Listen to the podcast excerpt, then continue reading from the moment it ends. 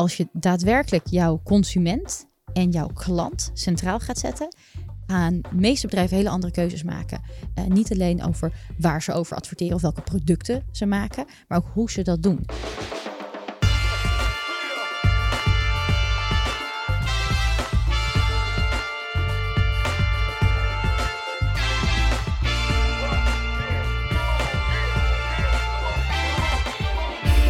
Hallo, goedemorgen, goedemiddag of goede avond, wanneer u dit ook luistert. Vandaag is het 16 september en dat betekent dat u luistert naar de Brief, de podcast over content marketing en, jawel, media. Het is vandaag dus de 16e, zoals ik net al zei, en het is tijd voor afleveringetje nummer 57. Aan mijn linkerhand een vast gezicht, een warm stemgeluid, mijn waarde vriend en collega Matthijs Stielman. Hallo. Hoe is het met je? Goed. Ja, Zeker. Content gezien. Zeker. Wat was er goed? Uh, deze sprong er wel bovenuit. Dat Vertel. Is, nou, een discussie die wij samen ook best wel eens voeren als we professioneel bezig zijn. De discussie over logo's. Uh, hoe belangrijk is een logo? En uh, in de Harvard Business Review stond een artikel uh, waarin ze 900, nee, moet ik het goed zeggen, 597 logo's ehm, hebben onderzocht en welke het meest effectief zijn. Um, super interessant. Uh, wat eruit kwam is, je hebt eigenlijk twee types logo's. Namelijk, je hebt descriptive logo's en non-descriptive. Descriptive omschrijft eigenlijk het product wat het bedrijf ook uh, verkoopt. Um, non-descriptive, nou, zoals het al zegt, die doen dat dus niet. Vergelijking Burger King, het hamburgertje met daartussen het woord Burger King, is uh, descriptive. McDonald's, de gele M, is in principe non-descriptive. Uh, en daar kwam uit dat descriptive logo's, die dat dus, dus wel verbeelden, dat die uh, positiever ontvangen worden, authentieker ervaren worden, zorgen voor een hogere aankoopintentie en zelfs een positieve impact hebben op sales. Dus ja, een descriptive logo is belangrijk. Um, er zijn natuurlijk ook redenen om te kiezen voor een non-descriptive logo. En dat zit hem vaak in het, uh, als je meerdere productcategorieën be, bedient als bedrijf. Dus denk aan Uber of Procter Gamble of een Disney. Um, of als je iets verkoopt wat een negatieve connotatie heeft, uh, bijvoorbeeld palmolie, gewone olie, uh, nou ja, begrafenissen, dat soort zaken. dat kan je beter niet letterlijk in je logo laten zien wat je dan doet. Maar super interessante studie en ja, wordt goed uitgelegd in dat artikel hoe okay. dat precies in elkaar zit. Ga je liever naar de McDonald's of naar de Burger King? Burger King. Waarom? Um, ik vind Whoppers lekkerder. Oké. Okay. Jij? Ik ga ook liever naar de Burger King. Ik vind het logo van McDonald's mooier.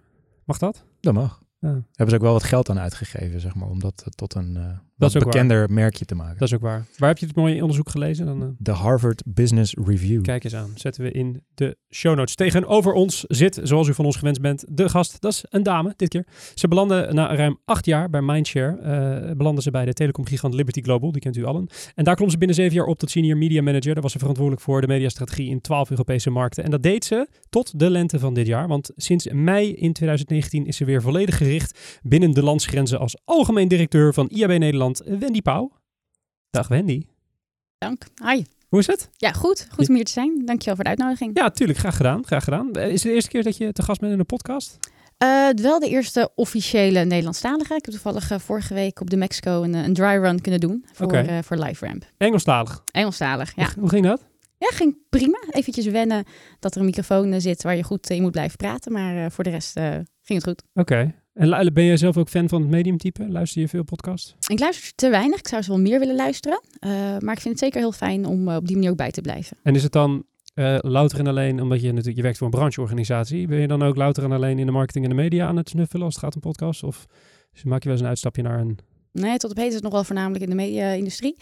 Uh, ook omdat er zoveel podcasts zijn, dat er ook daarmee zeg maar, eigenlijk al je tijd uh, meer dan gevuld kan zijn. Ja. Dus daar heb ik me tot op heden wel op gericht. Um, maar aan zich, het, het, ik vind een podcast wel heel lekker. En het is ook heel fijn. Ik uh, leg redelijk wat kilometers af elke dag. Dus dat is ook gewoon een fijn moment om dan je tijd toch inhoudelijk goed te kunnen besteden. Ja. Kunnen we van de IAB een podcast verwachten een deze dagen? Jullie hebben al wat uh, stapjes gezet, begreep ik. Uh... Ja, klopt. Mijn uh, voorganger Yvonne de Jager heeft een aantal podcasts begin van dit jaar opgenomen. En we zijn nu aan het kijken hoe we dat het best willen vormgeven. Ik denk het instrument podcast wordt door heel veel mensen echt wel omarmd. Ja. Ehm, maar ik denk wel dat we een goed haakje moeten vinden. Dus hoe gaan we die op een goede manier inkleden? Ik denk dat het maken van een goede podcast ook echt wel een kunst is. Dat moet ook misschien niet iedereen zomaar willen doen. dus hoe gaan we dat doen? met wie gaan we dat doen? Wat gaat het haakje zijn? Dat zijn nu al de dingen waar we aan het kijken zijn. Ja. mochten jullie eh, willen, let me know. Je kunnen misschien eh, hoofd worden van de Taskforce podcast bij IEB. Wie weet, wie weet. Ik sta er zeker voor open. Kijk eens, we gaan je straks proberen eh, in het interview in te pakken en je te overtuigen van het feit dat wij dat gewoon moeten gaan doen. Maar eh, we gaan, zo, zoals u eh, eigenlijk eh, weet, eerst eventjes naar drie nieuwsitems. Het nieuws. Zijn we nog altijd in de studio bij ons mooie Wayne Parker Kent. En zoals u van ons gewend bent, bespreken we nieuws, drie nieuwsitems die de media- en marketingwereld in zijn of haar ban hebben gehouden. Dit keer 100% Facebook-vrij, wou ik maar eventjes zeggen. Hebben we maar mooi een keer bereikt. Hebben we hè? een mooie keer bereikt. Eventjes geen eh, eh, Mark Zuckerberg en consorten. We gaan het wel hebben over een andere eh, technologie-gigant. Dat is namelijk Netflix. Want we hadden een videootje gevonden bij The Verge, de technologie-site, waarin ze eigenlijk uitleggen waarom streaming services zoals Netflix shows uitbrengen, maar vaak die shows cancelen na twee seizoenen. Wendy, weet je waarom dat is? Nee, ik hoor het graag. Oké, nou moet die, een fascinerende uitleg van, eh, van de mensen van de Verge die heel erg logisch klonk eigenlijk. Want wat is er nou daar aan de hand in die streaming eh, services markt? Krijgen natuurlijk ontzettend veel concurrentie, want waar ze eerst gewoon konden grijpen uit de catalogie van eh, een Disney en een, en een Warner Brothers en daar konden ze natuurlijk allemaal content van, van leasen. Daar beginnen al die grote partijen en, en, en Apple en Amazon komen daar nog bij met eigen streaming services. En om die weer te promoten trekken ze natuurlijk al hun original content van Netflix weg. Conclusie, Netflix heeft nieuwe content nodig. Eh, dus daar is geld voor nodig. En ja, dat geld moet ergens vandaan komen. En je zou je kunnen afvragen, wat is er nou effectiever om mensen naar het platform te krijgen? Een derde seizoen van de OE of een nieuw seizoen van een nieuwe show die je als marketing tool kan inzetten om de mensen te overtuigen van het feit dat ze lid moeten worden bij Netflix of een abonnementje moeten, moeten nemen. Eh, vond ik een heel interessant, eh, interessant gegeven. Dus ze trekken gewoon de stekker uit sommige shows, omdat het wellicht een hardcore fanbase wel nou ja, eh, eh, de hun behoeften voorziet, eh, maar niet genoeg nieuwe mensen naar binnen hengelt. Matthijs, in het vorige gesprek gaf jij de film Bright als mooi voorbeeld. Ja, een film van Will Smith, waarin hij samen met een elf partner, nou ja, het klinkt nu al vrij bizar, Het was een ork volgens mij. ork, elf, iets uit The Lord of the Rings, maar dan met een politiepak aan, ehm, samen op jacht gaat naar criminelen. En ehm, ja, de critics waren daar ook niet echt mals over, over die film. Die is volledig afgeserveerd. Maar uiteindelijk Netflix gaat wel een tweede deel maken, omdat het dus waarschijnlijk doordat Will Smith erin zat, eh, zo ontzettend eh, gezorgd heeft voor nou, ja, waarschijnlijk een influx van nieuwe mensen. Ehm, dat het dus wel als succes gezien wordt. Dus de definitie van wat is een succesvolle film of serie is gewoon anders geworden. Ja, ja, je zag ook sommige, er komt een maker van een, serie eh, aan bod in dat videootje, die zegt dat eigenlijk zijn show gecanceld is, of haar show moet ik zeggen, doordat het algoritme gewoon om de show voor te schotelen aan mensen. En Netflix is natuurlijk zo'n bad waar je in wordt gesodemieterd, dat je vaak langer aan het surfen bent dan dat je aan het kijken bent naar een film of, eh, of een serie. Eh, maar een beetje sneu. Eh, ze merkten nog wel op, mensen bij de Verge, dat de grote markten als Azië of Zuid-Amerika voornamelijk de focus hebben, niet zozeer de Engelstalige markt als het gaat om nieuwe content. Dus daar zie je heel veel series ineens ontstaan. Maar de Amerikaanse markt en de Engelstalige markt is dus een beetje verzadigd. En, en daarom krijgen we maar mondjesmaat nieuwe spullen voorgeschoteld. Heb je nog een Netflix-tip, Matthijs? Uh, ik heb Top Boy, ben ik mee begonnen. Ah. Engelse serie, super tof. Oké. Okay. En de nieuwe show van Bill Burr. Ja, was erg leuk. Ja. Gelukkig maar één ding. Nieuw seizoen komt er waarschijnlijk ook wel aan. Precies. Laten nog, we het hopen. Nog één vraag. Vertel. Blijf je Netflix of word je Disney? Ik heb dus een, net, een Disney abonnementje genomen. Omdat ik hoopte dat daar nieuwe horrorfilms op zouden staan. Ik ben een fervent horrorfan, mijn vriendin ook. Um, maar natuurlijk staat er helemaal geen horrorfilms op Disney. Vrij naar Disney. nee, dus nu heb ik een, nee, maar ik hoopte dat dat was meegesoepeld vanuit, uh, meegecijpeld vanuit een of andere andere grote partij waarvan zij dan eigenaar van waren. Maar nee, alleen maar Aladdin en, uh, uh, en die Marvel collectie waar ik nog nooit aan begonnen ben. Dus misschien dat dat het dan maar uh, moet gaan worden. Dus ik heb wel, het, het is wel, de, de, de, de UI en de UX is volledig gejat van Netflix. Het is gewoon echt alsof ze er een ander logootje op hebben geramd. Uh, dus ik heb wel een proefabonnement. Dus ik, ik zal er wel even een maandje doorheen gaan snuffelen, denk ik. Ja. En jij? Ik weet het nog niet. Ik denk, ja, Disney heeft natuurlijk die hele Marvel-catalogus, Star Wars, noem maar op. Dus eigenlijk ja, alles wat, wat weggetrokken is van Netflix. Um, ik moet zeggen dat ik Netflix ook, ja, het, ergens verveelt het een beetje op dit moment. Wat natuurlijk verschrikkelijk is om te zeggen met zoveel content. Maar ja, ik neig ook wel een beetje naar Disney. En ik moet ook eerlijk toegeven dat ik net een nieuwe iPhone heb besteld. Waar je een jaar gratis Apple TV Plus bij krijgt. Ja. Dus dat gaan we ook maar eens proberen. Dus de uh, battle is on. Ja, ja, ik moet zeggen dat Netflix altijd wel elke keer als ik denk, nou, heb ik alles al een beetje gezien, dan komen ze weer met nieuw seizoentje eh, met Mindhunter bijvoorbeeld. Zit ik nu weer helemaal in. En dan denk ik, ah, oké, fijn. Of net even weer een rare horrorfilm die er geen hond kijkt, behalve ik. Dan denk ik, Ja. nou, pik ik die nog even mee. Dus ik, ben- ja, ze houden me toch wel in de boot. Ja, het maandbedrag is net te laag om te denken van, dit Ja. doet echt zeer. Dat is het misschien ook een beetje. Ja. Wendy, wat, eh, aan welk team eh, is jouw hart toevertrouwd? Nu nog Team? Netflix, maar ik ben heel benieuwd hoe ze het gaan doen. Ik denk dat ze wel echt geduchte concurrentie gaan krijgen van Disney. Disney heeft ook aangekondigd dat ze de komende jaar ook nog geen winst hoeven te maken. Eh, het maandbedrag zit redelijk rond hetzelfde pijler. Ehm, dus ja, ik, ik ben heel benieuwd. Maar ik, ik, zit ook, ik zit zeker nog in Team Netflix. Maar ik merk dat ik ook een beetje verveeld ben eh, aan het raken. Eh, onwijs goede content die ze in het begin hadden, die kwaliteit, die raken ze niet meer helemaal. En ja, hm, dus ik ben nu iets aan het kijken, ook waarvan ik denk, word ik er heel enthousiast van? Nee, maar kan ik het wel kijken? Ja. Ehm, dus ik ben wel op zoek naar iets nieuws, maar Disney is voor mij ook nog niet. Te veel Marvel-titels die ik eigenlijk al gezien heb en dat ook deed, omdat niet per se ik dat heel graag wilde, maar mijn vriend. Dus ja, als het dan niet meer hoeft, eh, vind ik dat een prima Ja, die kan je gewoon verbannen naar Disney Plus en dan kun jij gewoon helemaal los op het Netflix-account. Ja, oké, Zoiets. oké. Eh, tweede nieuwsitem van deze aflevering gaat over IKEA. Yes, Matthijs, het, de IKEA-gids als audioboek. ja, Daar moeten we het over hebben. ja dat, is toch wel een kop, ja. fantastisch? Voor iedereen die het niet, eh, niet heeft meegekregen, IKEA heeft dus een, een audioboek gemaakt van, hun, eh, van, van het meest gelezen boek ter wereld, namelijk de IKEA-gids. En dat is exact wat je nu denkt dat het is. Het is iemand die gewoon voorleest wat er in die gids staat. Dus eh, dat klinkt ongeveer zo. Nieuw. Fjellbo. Wandplank. 24,95 per stuk. Blank gelakt massief grenen en poedergelakt staal. 101 bij 20 centimeter. 21 centimeter hoog. Karmzoend. Toiletspiegel. 9,99. Poedergelakt staal en spiegelglas.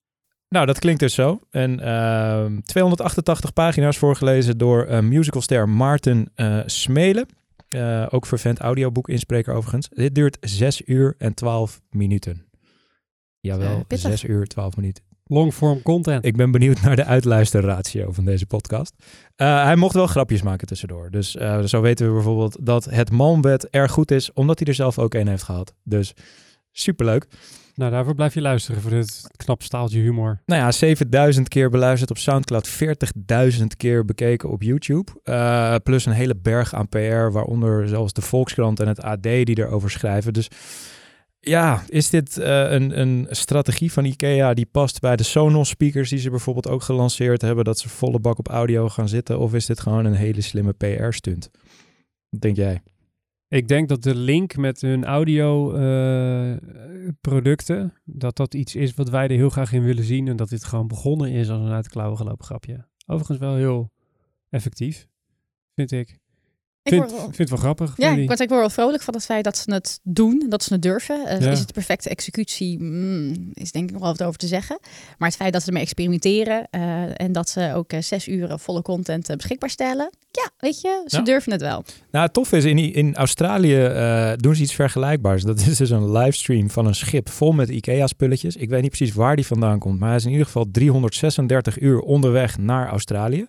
En onder de term slowvertising hebben ze hier dus iets van gemaakt waarbij je perfect in slaap valt. Dus dan hoor je ook iemand die gids voorlezen, gecombineerd met een livestream van dat schip. Um, en en dat, die moet je ook even checken. Klein audiofragmentje nu. Queen Quilt Cover Set. Burvik. Side Table. Malm. Queen Bed Frame. Delaktig. LED Floor Lamp. Jofrid. Throw. Het is gewoon meditatief bijna, joh. Ja.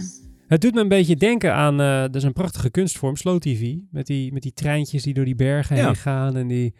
Ja, en dit is mooie- dus slowvertising. Dus dit voelt iets completer dan wat we in Nederland aan het doen zijn. Ah ja, oké. Nou, hartstikke leuk. Ja. Op naar het volgende nieuwsbericht. Nou, nee, ik wil Ja. nog wel even stil blijven staan bij dat slowvertising. Wat is dat dan? Is dat, eh, p- wat denk jij, PR effectief? Uh, hoe, wat moet ik ervan vinden? Nou, ja, we hebben natuurlijk ook die commercial gehad tijdens de Super Bowl met, met eh, Zoe Kravitz, die dat ASMR omarmde, zeg maar. Ehm, in de show notes terug te vinden, die link daar naartoe. Ehm, dus, dus er zit wel iets in. Ja, Maar ja, om nou dit aan te zetten omdat ik niet kan slapen, ik weet niet, ik zou dan toch naar een dokter gaan, denk ik. ja. Die moet ook, maar- ook maar net open zijn s'nachts. Zou dit subliminal zijn? Dat je hier dus mee in slaap valt en 's ochtends wakker wordt en denkt van, oh, ik heb nu een nieuwe kledingkast nodig. Ik heb zin in een Billy. ja, wie zal het zeggen? Ja, wie zal het zeggen, joh? Je weet het niet, je weet het niet. Nou goed, eh, hartstikke leuke campagne. Ehm, eh, ga checken in de show notes. Eh, het is trouwens wel, jij zei Maarten Smelen, maar die man die klinkt ook een beetje als Daniel Boissevin. Dat hoort hij wel vaker, ja. Ja? Geen idee. Ja, dat is die man van All Stars. Ja, je ik ken Daniel acteur. Hij lijkt er een beetje op. Ja. Heb je ook Nou, zijn stem. Heb je, ja, het is gewoon, een feitje heeft ook helemaal niemand wat aan, maar eh, prima. We gaan gewoon door naar het derde nieuwsitem van vandaag. Dat is namelijk eh, een partnerbijdrage van, eh, van de Adformatie, waar dit over gaat, van, eh, van Flyer Alarm. Eh, de kop van dit stuk was, heb je een loyaliteitsprogramma, stop er dan maar mee. Eh, dus toen dacht ik, ga, ik- dan ga ik klikken, hè. Dan ga ik echt klikken. Clickbait. Ehm, eh, intro van het stukje was: een van de manieren om meer omzet te genereren is met een loyaliteitsprogramma. Maar hoe goed werkt dat nog? Dacht ik, nou, dit stuk gaat mij vertellen waarom dat dan eh, niet meer zo is. Eh, eigenlijk is het hele, hele stukje, want het is een, stuk is een groot woord, is een soort relaas tegen de traditionele loyaliteitsvormen als eh, zegeltjes en klantenkaarten en, en punten. Daar begint het eigenlijk mee. Maar eigenlijk is het voornamelijk een soort betoog tegenover de, de, de klantenkaart. Dit stuk zegt dat dat niet meer werkt, want men heeft al 15 pasjes en men krijgt te weinig voor die kaart. En men krijgt alleen een beetje korting en de klant wordt niet meer centraal gesteld. En dan is het stukje een beetje klaar. Het lijkt een beetje alsof de makers van het stuk voor het gemak alle loyaliteitsprogramma's die er bestaan, gewoon maar in het hokje ouderwets en gedateerd hebben gepropt. eh, puur en alleen om een punt te maken. Welk punt willen ze dan maken? Vroeg ik me dan af, helemaal aan het einde. Heel, helemaal onderaan staat een linkje naar eh, de Flyer Alarm Club. Mag jij drie keer raden wat de Flyer Alarm Club is? Dan krijg je een pasje. Dat is een loyaliteitsprogramma.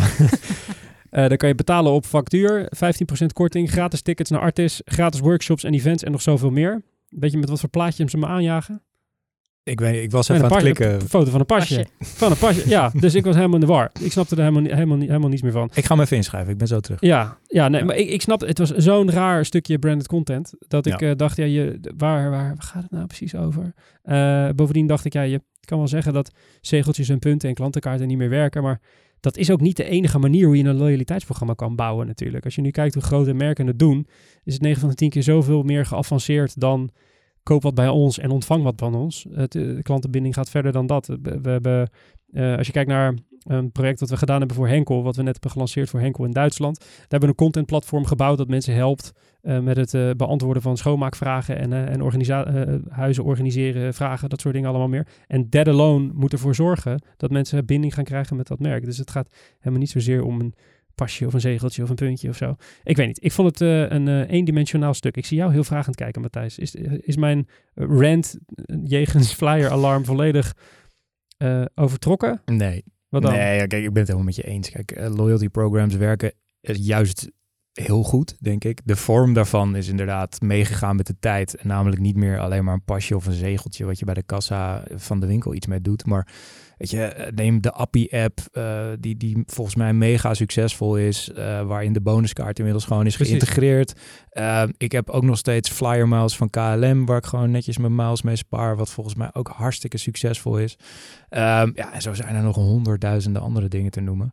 Ik zou zelfs willen, willen betogen in, deze, in de microfoon Be My Witness, dat je deze kop van dit stuk beter kan omschrij- omschrijven en zeggen, heb je geen loyaliteitsprogramma of manier om loyaliteit op te wekken bij je klanten, stop er dan maar mee. Misschien Ja. is dat een betere... Maar is het ook niet dat mijn loyaliteitsprogramma de klant centraal moet staan en dus de wensen ook van de klant? En ik kan me voorstellen dat de klant van de Albert Heijn een hele andere wens heeft qua om te hoogte gehouden te worden van de Albert Heijn in dit geval dan van een ander merk. En bepaalde merken zijn gewoon meer involved in het leven van de consument. En daar wil je veel actiever mee omgaan. Terwijl eh, ik word in de basis gewoon prima gelukkig van eh, hoe bepaalde organisaties mij op de hoogte houden. En dat ik daar inderdaad wel een voordeel van heb, omdat ik een trouwe klant ben. Ja, En dat hoeft helemaal niet heel hoogdravend te zijn. Soms is een pasje of een punt bij aankoop prima. precies. Ja, het punt is gewoon daar op een relevante manier zijn waar je klant op dat moment behoefte aan heeft. Ja. En, en of dat nou in de vorm van een pasje gaat of van een bos bloemen of, of van een, een online loyalty program. Ja. Of een ouderwets zegeltje bij de kassa. Exact. als het op dat moment gepast en relevant is. En Ja. ik denk dat we daar af en toe best wel eh, wat meer authent- authentiek mogen zijn aan wat werkt en wat wenselijk is voor die klant. En niet Ja. altijd maar een soort van per se iets heel nieuws moeten uitvinden. Maar ik weet niet of dat in het, überhaupt in het artikel stond, wat dan wel de manier is. Nee, ze Nou, namen nog... nee, ja, dat is ook het rare. Ze schrijven het dus niet naar een punt toe. Oké. Dus, eh, dus Ja, er wordt nog een soort rare afslag genomen over dat het allemaal is om eh, data af te vangen en, en dat soort zaken. En dat de klant dat allemaal wel door heeft en wel slimmer is dan dat. Ja. En, eh, Ja, nou, ik, ik, ik weet het niet. Ehm, Ik ben ook wel benieuwd wat zij dan met al die inschrijfgegevens doen.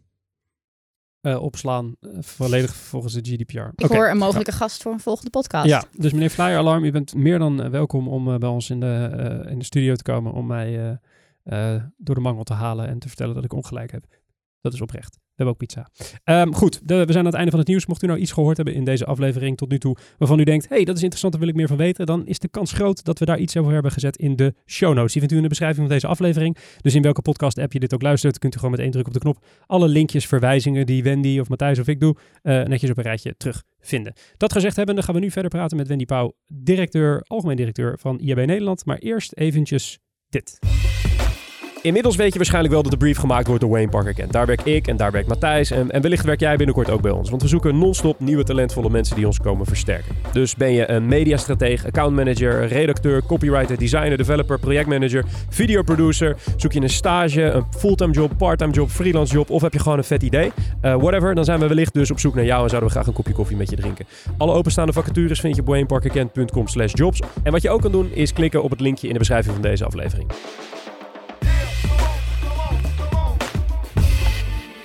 In de studio met Wendy Pauw, algemeen directeur van IAB Nederland. Nu is het natuurlijk heel flauw om te zeggen, wat doet het IAB? Dus dat ga ik alvast voor je invullen, want ik heb even op jullie website gekregen. IAB Nederland is de onafhankelijke branchevereniging voor digital advertising en marketing innovatie. Ruim 200 adverteerders, mediabureaus, publishers, technologieleveranciers en bureaus zijn aangesloten. En jullie bieden inzicht, kennis en een netwerk door samen ontwikkelingen te duiden en waar mogelijk standaardisering, wetgeving en zelfregulering mede te bepalen of te beïnvloeden. Nu ben jij begonnen bij deze organisatie in mei 2019. Hoe is het? Leuk. Het is Ja? heel erg leuk. Wat heb je aangetroffen? Ehm, ik moet zo zeggen, ik vond het heel fijn om weer terug in het Nederlands landschap eh, te gaan en daar actief te werken na zeven jaar internationale werkomgeving. Eh, en wat ik aantrof is niet alleen een heel fijn Nederlands medialandschap, ehm, maar ook gewoon echt een hele fijne vereniging waar mensen heel erg ambitieus zijn. Mensen heel erg kijken naar, uh, supergoed wat we tot nu toe gedaan hebben, maar hoe kunnen we verder? Hoe kunnen we nog meer? Hoe kunnen we nog beter?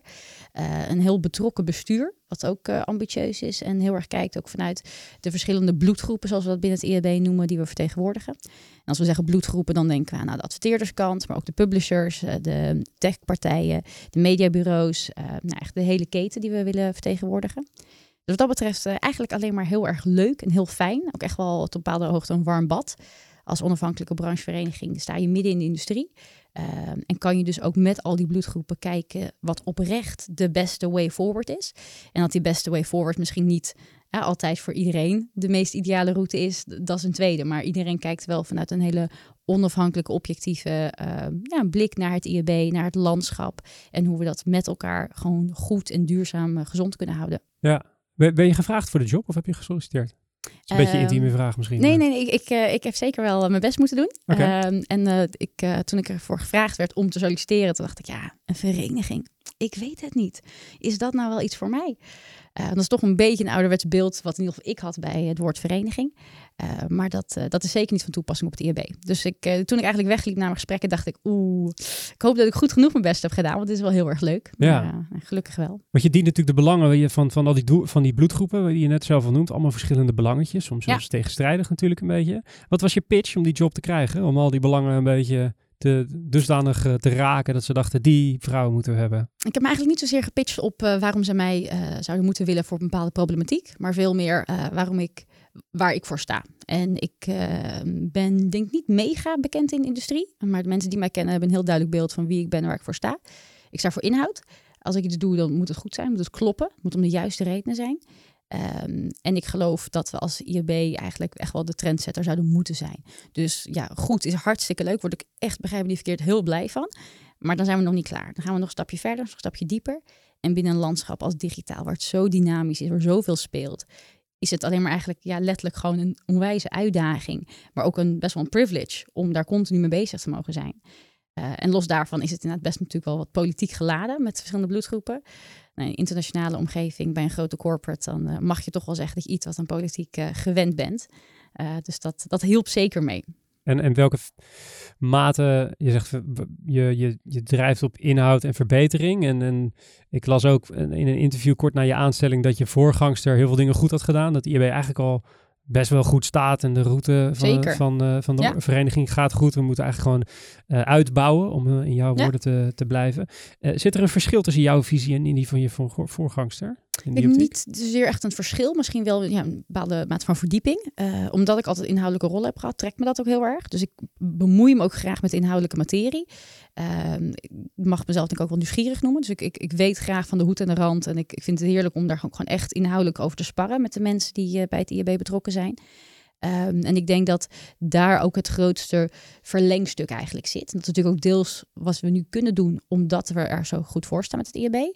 Ehm, dus ik zou niet over een verschil willen eh, spreken, maar over ja, een volgende stap. En wat maakt dat het IAB er goed voor staat? Wat, wat, hoe zou je dat uitpakken? We hebben een mooie situatie. We hebben ja, wat je zei, ruim 200 leden. Dus dat is eh, heel fijn. Maar die leden zijn niet alleen maar lid van het IAB omdat ze dat ooit bedacht hebben, of omdat ze ooit ja gezegd hebben. Maar ook omdat ze nog steeds eigenlijk continu wil merken dat het een fijne verbinding is. Ehm, dat ze echt midden in het landschap eh, staan.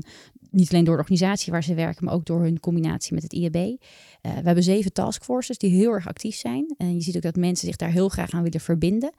Ehm, dus dat zijn wel echt punten waar we gewoon heel erg blij mee zijn. Eh, onze partners, maar ook onze leden geven er algemeen gewoon terug dat we, ja, dat we het goed doen. Dat we de juiste dingen aan, eh, aan bod laten komen qua onderwerpen. En dat we het op de goede manier doen. Ja, en jij bent dan verantwoordelijk voor de, voor de dagelijkse leiding van de vereniging. En daarnaast hebben jullie natuurlijk ook nog een, een bestuur eh, met een voorzitter die, en allerlei leden vanuit allerlei, nou, waarschijnlijk van de partijen die bij jullie zijn aangesloten, Ja. eigenlijk inhoudelijk de vereniging voorzien van input, om het zo maar te zeggen. Jij zegt net, ik, Klopt. ik kom zelf ook vanuit de inhoud, dus praat graag mee. Hoe reageerde eh, dat clubje professionals daarop? Dat ze dachten, hey, de algemeen directeur die gaat ook ineens... eh, Ja, nou ja, ik- ze waren natuurlijk onderdeel van, het, eh, van de beslissing. Dus wat dat betreft wisten ze wat ze konden Wat verwachten. Ja, ze wisten ze, maar ik, denk, ik geloof ook heel erg in de zonder wrijving geen glans. En we hebben tot op heden nog niet heel veel wrijving gehad, dus dat is goed. Maar een beetje wrijving zal er heus wel een keer gaan komen. Maar ik denk als je allemaal professioneel genoeg bent om het belang van de organisatie, in dit geval de vereniging, voorop te zetten, dan eh, gaat het wel goed je houdt je nu nog een beetje in, begrijp ik. Ik ben natuurlijk nog niet zo heel lang aan Nee, boord. Ik nog een beetje... Ja, je noemde net al taskforces. Dus Ja. jullie zijn georganiseerd in de vorm van eh, zeven taskforces, als ik niet verkeerd heb op dit moment. Klopt. Ehm, hoe komen die tot stand? We hebben eh, eigenlijk zijn die allemaal organisch eh, begonnen. Eh, vanuit een bepaalde insteek. Dus of omdat we een trend zagen in de markt waar heel veel behoefte aan was. Of een bepaalde informatiebehoefte. En soms ook wel, nou, bijvoorbeeld Digital Out of Home. Dat is onze meest recente taskforce. We zagen gewoon dat naar het Out of Home er echt een opkomst was naar veel meer digital schermen. Eh, en dat er ook echt wel een andere markt mee bediend wordt. Dus een andere manier van denken, een andere manier van inkopen. Andere eh, regulering, andere standaarden. Ehm, dus daar zijn we op opgesprongen. Omdat het heel erg dicht zit bij digitaal en IAB daarmee. Eh, dus daar hebben we een taskforce voor opgericht. En eigenlijk gaat het altijd wel, nee, we zien iets gebeuren. We praten met onze leden, is er inderdaad behoefte aan? Eh, is er ook voldoende eigenlijk toekomst voor? We zullen nooit een, een taskforce oprichten voor iets wat hè, binnen nu en bij wijze van spreken anderhalf jaar wel weer overbodig zal zijn. Ehm, maar ja, op die manier zijn eigenlijk de afgelopen jaren taskforces ontstaan. En we zien nu dat die eigenlijk heel erg logisch zijn.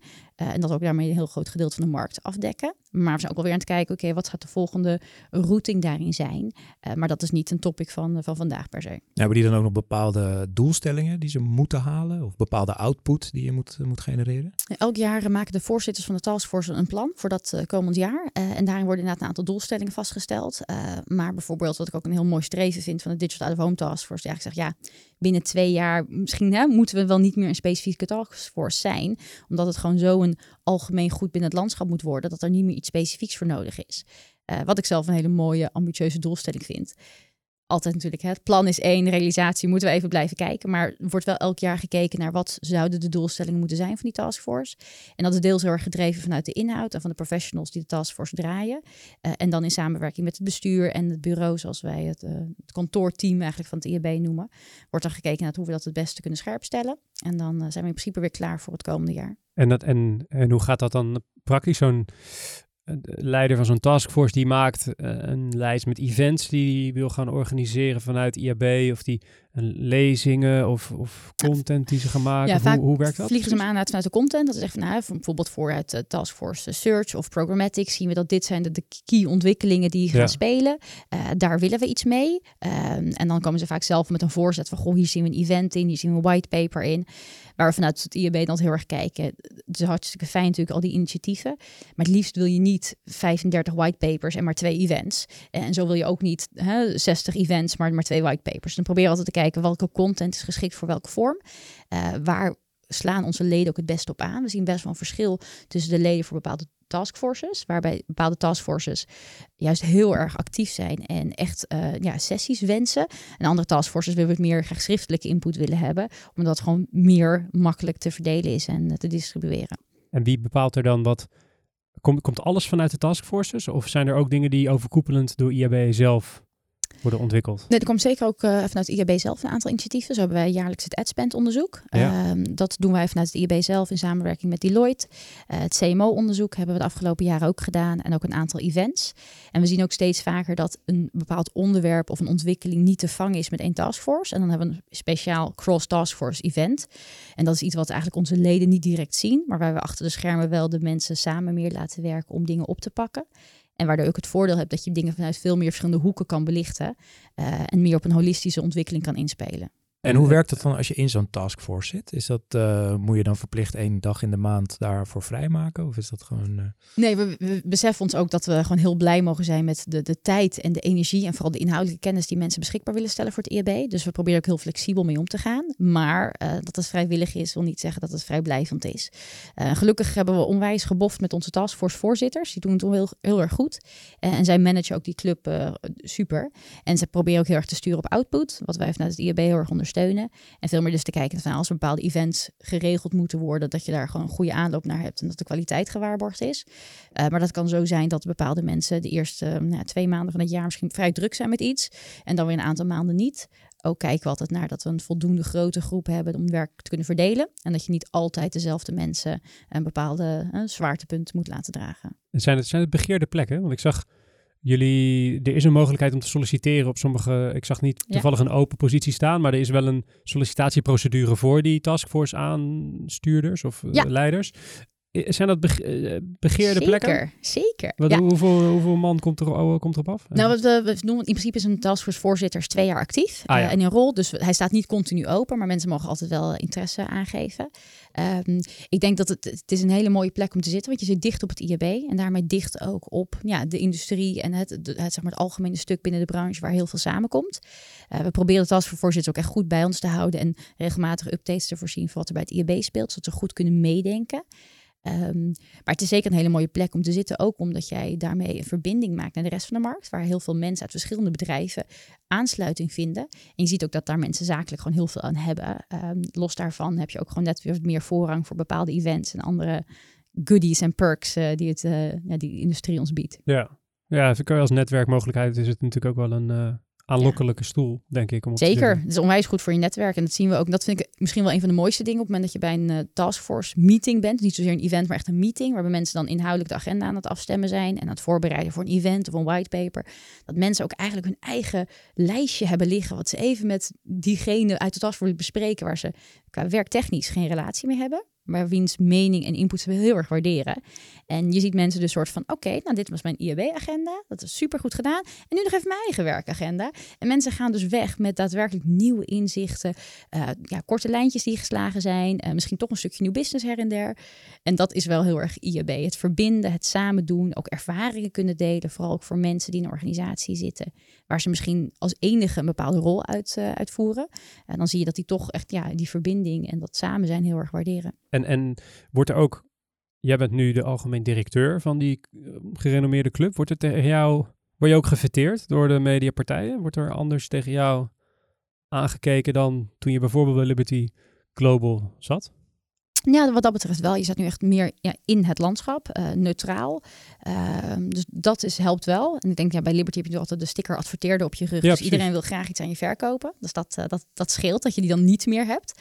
Um, maar ik moet heel eerlijk zeggen dat ik vanuit mijn mindshare tijd niet betrokken ben geweest bij het IAB. Waarvan ik achteraf wel denk, en niet zozeer omdat ik nu in deze rol zit, maar ik ben toen, uh, ja, ik had wel heel graag wat meer extern gefocust willen zijn. En ook op dat moment wat meer uh, buiten de, in dat geval, paarse muren van het pand willen kijken.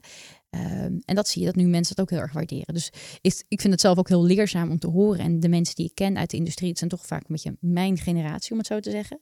En door het IAB zie ik nu ook heel veel uh, nieuwe, jonge talenten. En, en mensen die nog maar misschien drie of vier jaar werkervaring hebben. Die ook weer op bepaalde manier toch een andere kijk op dingen hebben. Waardoor het voor mij ook weer heel waardevol is om juist met die mensen te sparren en uh, ja, ervaring uit te wisselen. Maar doe je specifiek iets voor. Want die indruk eh, ligt er wel, hè, dat veel gelouterde professionals belanden vaak bij de branchevereniging, omdat die vanuit een ervaring overkoepelend naar de industrie kunnen kijken. Dat is eigenlijk heel erg logisch. Ja. Dus het lijkt me inderdaad lastiger om jongeren aan te trekken zonder daar meteen de jongere uh, IAB van te maken. Uh, doe je speciale dingen voor dat clubje? Ik denk dat we wel een hele mooie mix hebben. We zien dat de taskforces heel vaak uh, echt wel een goede mix zijn tussen mensen die wat, wat meer junior zijn en ook wat meer nou ja, operationeel betrokken zijn bij zaken als search of programmatic. Uh, waarbij de voorzitters vaak toch wat meer ervaring hebben en wat meer uh, senior zijn. Uh, en ons bestuur is dan weer een stuk meer senior. Dus ik denk dat we daar best wel een hele goede mix in hebben. Vanuit de initiatief, vanuit het IB proberen we ook echt wel te kijken dat we de juiste doelgroepen, de juiste elementen aanspreken. Um, maar de, de, de, zeg maar, de nieuwe instroom bereiken gaat gelukkig heel erg goed. Oké. Okay. Nou. Okay. En waarom zou ik lid worden? Was het koopargument? Ja, dat is mooi. Wij verkopen eigenlijk helemaal niks. We zijn echt een vereniging. En ik denk dat de wil om binnen digitaal een, een goed duurzaam ecosysteem te hebben, waarbij we met elkaar leren en ook echt wel onze verplichting nemen, onze verantwoordelijkheid richting eindconsument, dat dat een belangrijk element is. En daarnaast, ik denk toch wel een hele grote reden voor mensen om lid te worden, taskforce zijn. Die uitwisseling van kennis. En dat wordt ook wel het primair punt teruggegeven. Dat, uh, dat zijn eigenlijk ja, de koopargumenten. Uh, maar wij eigenlijk veel meer hopen dat dat gewoon de, ja, de tikkende box zijn waar mensen enthousiast van worden. Precies. En is er een, een, een smaakje in die brede reeks van bloedgroepen waarvan je als algemeen directeur zegt, oeh, die is een beetje ondervertegenwoordigd. Moeten even de publishers wat meer aanspreken? Of de... Nee, ik denk dat dan als er iets zou zijn, zijn het adverteerders. En ze zijn wel lid bij het IAB, maar ze zijn vaak minder actief. Uh, en daar zie je ook vaak dat er één of twee mensen zijn die zich bezighouden met media. Uh, dus uh, daar toch wel ja, wat dunner gezaaid. Um, en daardoor ook het vaak een gevoel leeft dat ze minder tijd hebben om uit te trekken voor bepaalde sessies of een bepaalde rol binnen een taskforce. Aan de andere kant denk ik dat juist die groep heel veel baat kan hebben bij zo'n breed netwerk en een, kennisdeling en kennisverzameling uh, die bij de taskforces gebeurt. Dus ja, dat is toch wel eentje die nog op mijn lijstje staat. Adverteerders iets meer activeren. Komt dat ook misschien een beetje omdat daar de, de stoelendans misschien wat sneller gaat? Dus dat mensen wat sneller van Wellicht. adverteerder naar adverteerder hoppen? Ik weet niet of dat daadwerkelijk zo is. Ik weet, ik weet niet, of dat, echt zo is. Ik, wat ik wel denk is dat inhousing is natuurlijk best wel een uh, groot topic momenteel. Ja. Er wordt veel over geschreven. Uh, wij hebben onze uh, interviews met de CMO's gedaan. Daar zien we het ook zeker uit voortkomen. En ik denk dat dat voor de organisaties heel belangrijk is om ervoor te gaan zorgen dat hun mensen voldoende geprikkeld en opgeleid blijven om daadwerkelijk die guru op programmatic, op search, op social te zijn en te blijven. Want de mensen die voor die banen worden aangenomen bij een adverteerder komen vaak vanuit bureaukant of vanuit publisherkant. Dus dan neem je iemand aan die een bepaald kennisniveau heeft. Dat kennisniveau heeft hij verzameld over meerdere klanten en meerdere industrieën heen. Vervolgens zet je die eigenlijk in een soort van glazen kom, waarbij die alleen maar bezig gaat zijn met het product en het merk en de branche van die adverteerder. Um, daarnaast is er vaak weinig carrièreperspectief. Dus als je binnenkomt als hoofdprogrammatic, dan is dat het. Dan is dat het, ja. Dus ik denk dat die beweging ook voor het IEB er wel voor gaat zorgen dat adverteerders toch meer uh, die actieve combinatie gaan opzoeken met ons. Om die mensen aangehaakt te houden op de laatste ontwikkelingen. Om een stukje, uh, nou, ook gewoon schuring wel te houden van kennis uh, en hun netwerk te laten verbreden. Um, dus ik denk dat dat wel een positieve ontwikkeling ook voor ons gaat zijn. Ja. ja. Hey, um, jij bent directeur uh, maar er is ook een voorzitter. Yes. Hoe verhoudt zich dat tot elkaar? Uh, onze voorzitter is Nathalie Peters. En uh, zij doet het, uh, dit is inmiddels haar, haar laatste jaar. Officieel mag je zes jaar bij ons in het bestuur zitten. Um, en zij heeft mij onwijs geholpen ook met het onboorden bij IAB. Dus een vereniging is toch anders dan een bedrijf, dan een organisatie. Heb ik ontdekt. Dus daar, eh, dat, dat, dat, is sowieso heel erg goed gegaan. Daar ben ik er heel dankbaar voor. Ehm, maar zij is echt wel de, spreekbuis ook een beetje namens het bestuur. Ook om ervoor te zorgen dat we niet te veel lijnen, te veel mensen continu uh, gaan uh, inlopen op van alles en nog wat. Dus waar ik voor haar het aanspreek ben naar het bureauteam van het uh, is zij mijn aanspreekpunt naar het bestuur. Dus zij is ook mijn eerste shop eigenlijk om eventjes dingen bepaalde te toetsen. Op het moment dat nou, dat klinkt plausibel, pitch je maar naar het hele bestuur. Dan doen we dat zo. Maar dan weten we in ieder geval van elkaar hoe dat zit. En ook omdat ik toen nog niet heel lang bij het IAB ben, helpt dat ook om niet iets voor te stellen wat al zes keer voorgesteld is, bijvoorbeeld. Um, daarnaast is zij ook natuurlijk een heel gewoon uh, ja, bekend gezicht in de media-industrie. Uh, en ik denk dat IAB daar heel veel voordeel van heeft gehad de afgelopen jaren. Dus dat, uh, ja, dat zijn fijne dingen. Er vereisten voor de nieuwe voorzitter. Die heb je nog niet, hè? Ik heb, nee. ik heb gezocht, ik heb, kon niks vinden, dus misschien onder... Nee, klopt. Maar Nathalie is er ook nog, hè? Dus ja, we ja. moeten ook niet te snel Maar wanneer, bewegen. wanneer stopt ze? In september van dit jaar, dat is nu, toch? Nee, nee, in principe blijft ze sowieso heel 2019 aan als voorzitter. Ah, ja, en okay. dan op het moment dat een, een, nieuwe algemene ledenvergadering is, dan wordt ook officieel de nieuwe bestuursleden aangenomen. Ah, ja. Ja, dus we hebben nog even, daar gaan we ook maximaal gebruik van maken. Ja, snap ik. Ja, nee, en de, voor een nieuwe voorzitter, ik denk dat we daar uh, best wel, uh, het is zeker belangrijk dat iemand gewoon uh, een, een neutraal persoon is in de industrie, want je uh, vertegenwoordigt wel de belangen van de hele industrie. Uh, maar daar hebben we nog niet een heel zwart-wit lijstje van met uh, criteria die getikt moeten worden. Maar als iemand dit hoort en interesse heeft, of als jullie iemand weten, laat ons zeker weten. Is er een, is er een voorkeur qua hoekje van de branche? Nathalie zat natuurlijk bij IPG. Ja. Een ja. hele duidelijke hoek. Ja, ik denk, ja, maar ook wil je niet, omdat het een bureau is. En een bureau is natuurlijk wel in zoverre... Ja, er zetten meerdere bloedgroepjes Ja, in. ja, ik kan zeggen, het is natuurlijk heel algemeen. Uh, ja. Want je praat met de adverteerders, je doet zaken met de publishers... en de techpartijen komen ook over de vloer. Ja. Uh, en dat helpt wel, omdat je daardoor denk ik gewoon een heel goed beeld hebt... van de, de totale branche en de industrie. Uh, maar er is, ook daar is geen hard vereist op. Ik denk uiteindelijk dat het ook best wel een, ja, een persoon is... waar je van denkt, ja, dit, dit klopt en dit, dit matcht. Maar ja, nogmaals, uh, laat maar weten als iemand interessants uh, is het een. Is het een, omdat het een vereniging is, een openbare sollicitatieding? Of zit er een proces waarin het de rest van het bestuur ook en jij een stem hebt en zo? Hoe, hoe gaat zoiets? Ik ga hem straks voor het eerst meemaken. Dus ik ben ook uh, wat dat betreft wel iets wat benieuwd. Nee, ik denk dat het voornaamste is ook, dit is een keuze van het bestuur. en ja, de, de, directeur hoort wat dat betreft niet tot het bestuur. dus ik, ik mag zeker her en der even meedenken. Maar het zal niet zijn dat ik de beslissende stem heb. Nee, nee. Ergens ook en terecht wel, ook. Ergens ook wel logisch, ja. inderdaad. En, en als je kijkt naar die verhoudingen uh, met, het, uh, met het buitenland. IAB is natuurlijk een internationale organisatie. Klopt.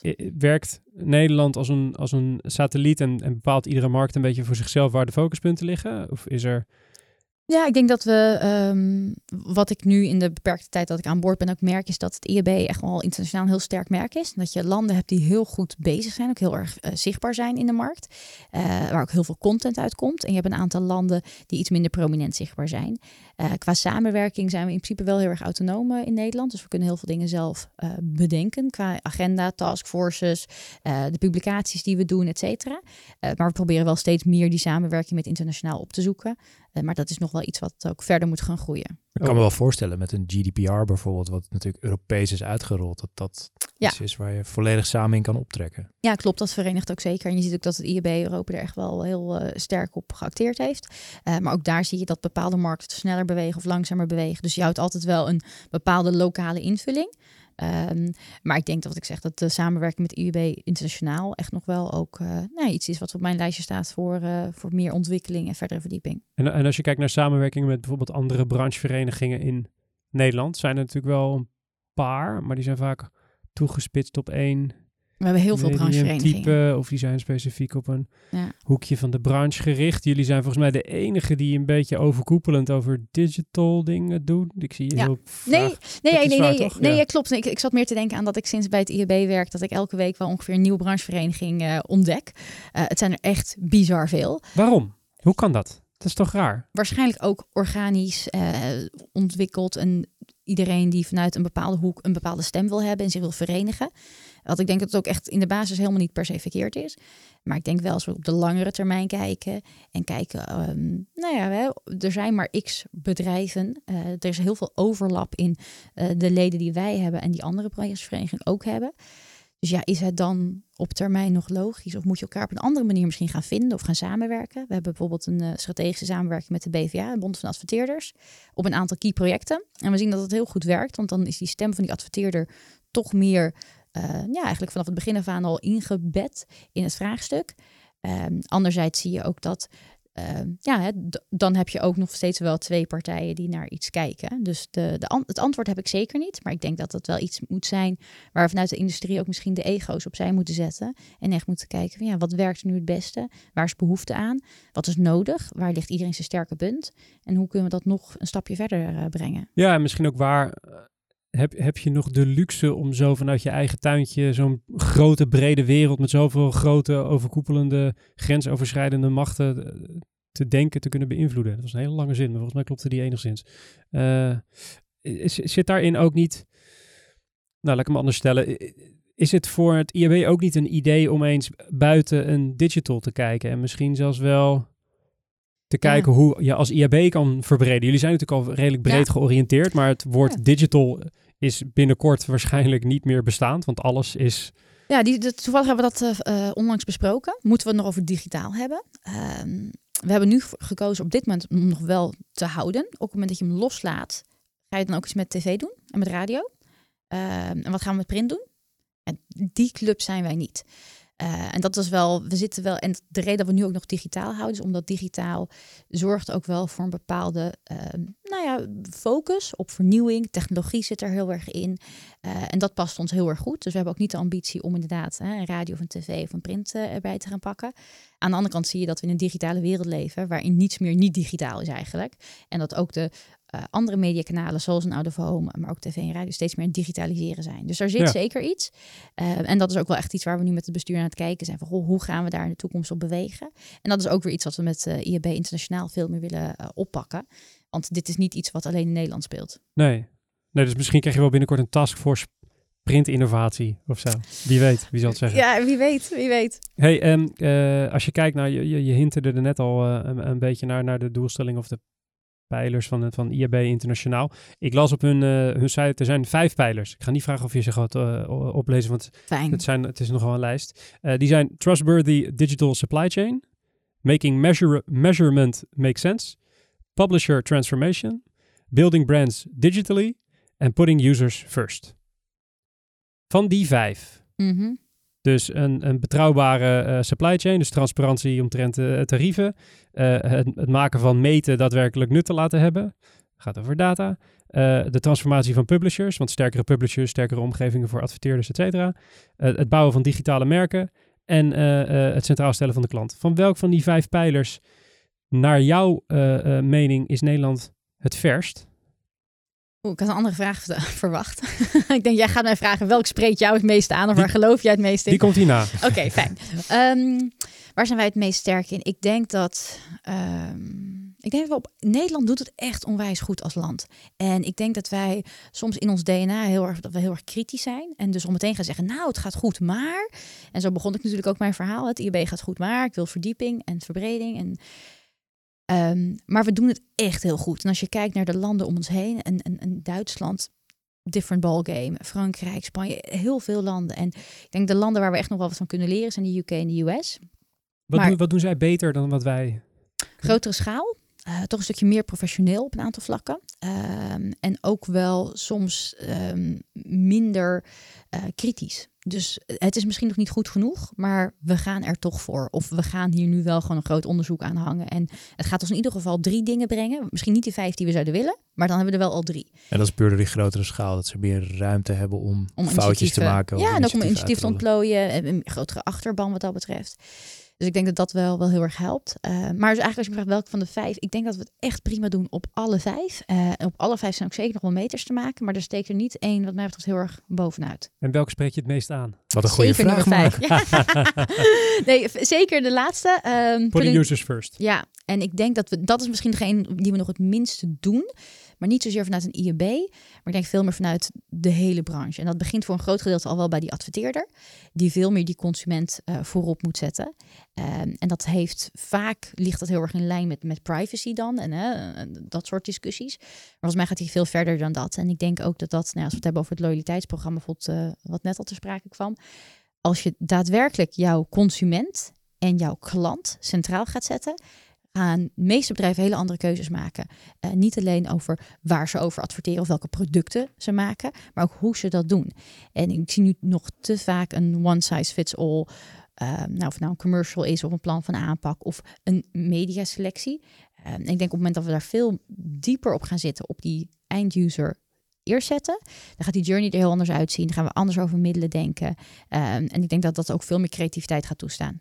Is, dat, is dat dan, sorry Matthijs, is dat dan luiheid waarom dat niet gebeurt? Is dat de gejaagdheid van we moeten output leveren en dan het moet sneller? Deels, maar het is ook niet makkelijk. Want op het moment dat je veel meer die consumenten centraal wil zetten, uh, gaat het ook betekenen dat je misschien op korte termijn bepaalde doelstellingen niet gaat halen. Omdat je veel meer naar een langere termijn gaat kijken. Je gaat veel meer die achterdeur dicht houden. In plaats van dat je bij de voordeur uh, de, de, nieuwe klanten of de nieuwe elementen gaat binnenhalen. Uh, en het heeft ook wel een stukje te maken met data. En data uh, daar hebben we over het algemeen heel erg veel van in, onze industrie. Maar we hebben niet altijd heel goed op orde of heel scherp wat we nou met die data kunnen. Of wat het ons vertelt of hoe we daarmee om kunnen gaan.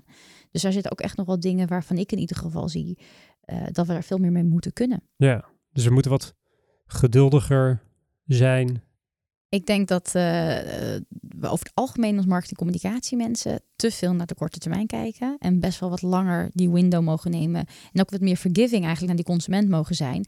Op het moment dat ze niet binnen drie dagen of vijf dagen of een week converteren. Wil niet zeggen dat het nutteloos is geweest. Ja, dat is bijzonder. Het eerste wat je toch leert als je een enigszins marketing gerelateerde opleiding hebt gedaan is ken je doelgroep, ken de eindgebruiker. En op het moment dat je dan gaat werken, dan flikker je dat overboord en uh, Ga je, wel. Ga je lekker op de korte termijn. Red race, man. Ja, ja echt. Hey, um, waar moeten we als industrie meteen mee stoppen volgens jou?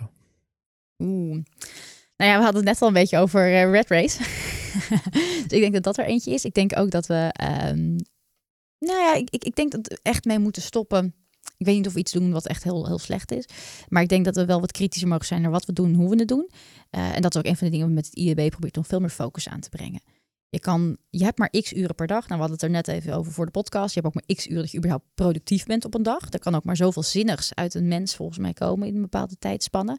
Uh, zet dat juist in. En op het moment dat je scherp hebt waar je naartoe wilt, waar je waarde wilt toevoegen, wat jouw rol is in die keten, wie jouw doelgroep is, denk ik dat je veel effectiever en efficiënter kan zijn. En dus ook veel beter met je energie kan omgaan. Um, dus ik denk dat we dat vooral meer moeten doen. Uh, ja, en, en meetings, uh, daar kunnen we denk ik altijd nog wel een slag in slaan. Door minder meetings te plannen, korter. Uh, en ook gewoon wat, wat, ja, wat punklieger te zijn als in, oké, wat is het doel ervan? En niet bij elkaar komen en we kijken wel. Ja. Op naar de volgende meeting. Ja. Yes. Hey, en en uh, nee, je zei het net al, als iets interessant genoeg is, dan komt er een taskforce. Ja. Welke taskforce kunnen we verwachten op korte termijn? Oeh, nou volgens nog uh, staat er niks in de pijpleiding, maar ik, uh, ik weet niet of het bestuur het helemaal eens mee gaat zijn met deze uitspraak. Maar ik, ik zou nog wel heel graag iets willen doen rondom innovatie. Um, en dat is deels omdat die heel breed is, maar daarmee denk ik dat je ook een hele mooie hub kan zijn om daadwerkelijk nieuwe initiatieven eigenlijk soort van ja, te testen in een relatief afgebakende periode en met een afgebakende club.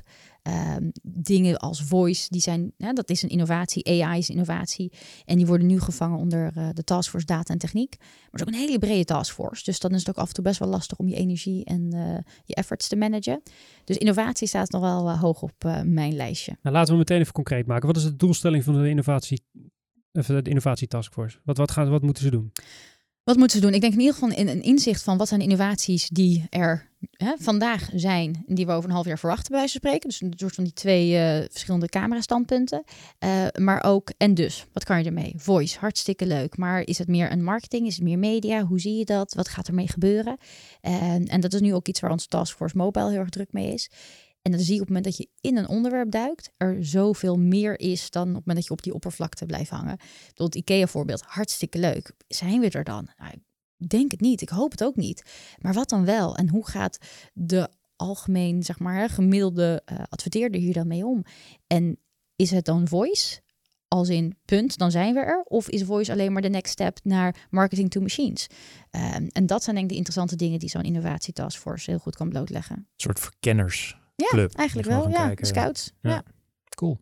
Klinkt als een sollicitatie, Matthijs Stuurman. Ik hoor het graag als het zover is. Welke taskforce, komt er, welke taskforce komt er niet? Wat is een non-issue? Waar hebben we het met z'n allen over in de industrie? En waar, wat is eigenlijk gewoon... Wat krijgt te veel aandacht voor wat het is? Oeh. Uh, nou, ik ben, niet, ik geen voorstander van hele kleine taskforces die heel erg op een specifiek gebied zitten of op een specifiek eh, element. Dus bijvoorbeeld een, een, een taskforce affiliate marketing, om maar iets te noemen, dat is te nauw gedefinieerd in mijn optiek. Een taskforce e-commerce eh, kan ik me alweer veel beter in vinden, omdat het een breder gebied afbakent en ook iets is wat je veel langere termijn levend kan houden en vanuit verschillende hoeken kan eh, aanvliegen. Maar ik heb er niet eentje op een zwarte lijst staan per se. Kijk eens. Wat een, wat een volledig diplomatiek antwoord. Netjes, Wat hè? volgens mij een compliment is voor iemand die een branchevereniging bestuurt. Eh, we hebben een vaste afsluitende vraag van deze show. Dat is namelijk, wat is de beste content die je de afgelopen tijd hebt gezien? Mag een boek zijn, een outdoor uiting, iets wat je taskforce naar buiten heeft, gebra- heeft gebracht, of een andere branchevereniging, om het nog diplomatieker te maken. Vertel, wat Ik heb je gezien? Schaamteloos reclame maken voor het IEB. Mag. Ja, dat ga ik ook eh, lekker doen. Nee, we hebben eh, op 3 september, twee weken geleden, eh, ons event gehad. Een jaarlijks event voor onze leden, How to Make It Work.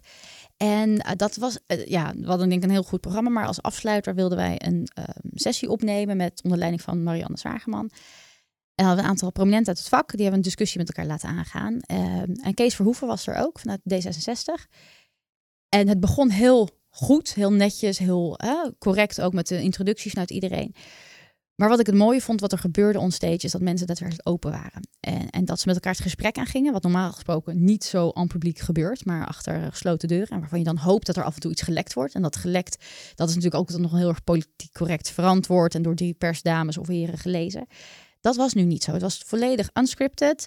Eh, en er gingen best wel rake opmerkingen ook over tafel. Dus het was ook heel leuk om naar te kijken. Het was entertaining, maar vooral eh, ook heel erg vanuit intentie. En iedereen die daar zat, die had een intentie vanuit zijn rol, vanuit zijn bedrijf, vanuit zijn commerciële doelstelling, maar ook vanuit dit klopt niet of dit kan anders. En waarom zitten we hier met elkaar en hebben we deels hetzelfde beeld, maar ook een compleet andere executievisie daarop. Ehm, dus ja, daar was ik echt eh, oprecht eh, heel erg blij mee. En we hebben daar ook gezegd, nou, we hebben alles gefilmd en we zijn nu de snippets eigenlijk aan content aan het eh, verspreiden. Vandaag is er eentje live gegaan over het NPO-stuk natuurlijk, hè, reclamevrij NPO. Wat vinden we daarvan? Ehm, dus ja, dus daar ben ik echt heel trots op en oprecht verrast over ook dat de mensen die deelnamen zo eh, open en constructief met elkaar het gesprek wilden aangaan. Dus ja, bij deze ook een beetje een schaamteloze promotie. Maakt helemaal niet uit. Gaat gewoon netjes in de show notes. Wendy Pauw, directeur IAB Nederland. Dankjewel voor je komst. Zeer bedankt. Vond je het leuk? Heel erg. Ja, ik, Kom je eh, snel weer? ja, als het mag, graag. Gaan we samen een podcast maken?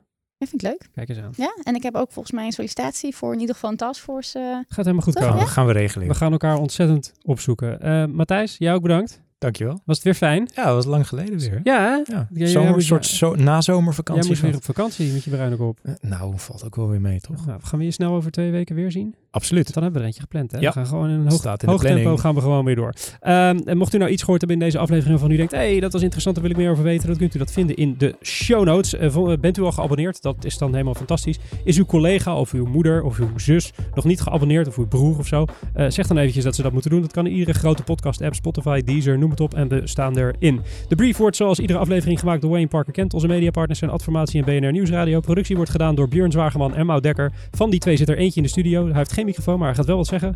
Redactie wordt gedaan door Hanneke Stuy en Bob Hardus. Volgende aflevering is over twee weken. Te gast dan Nicolas Bartolomeus, directeur van App InBev in Nederland. Mijn naam is Mark Schoones. Bedankt voor het luisteren en tot de volgende aflevering.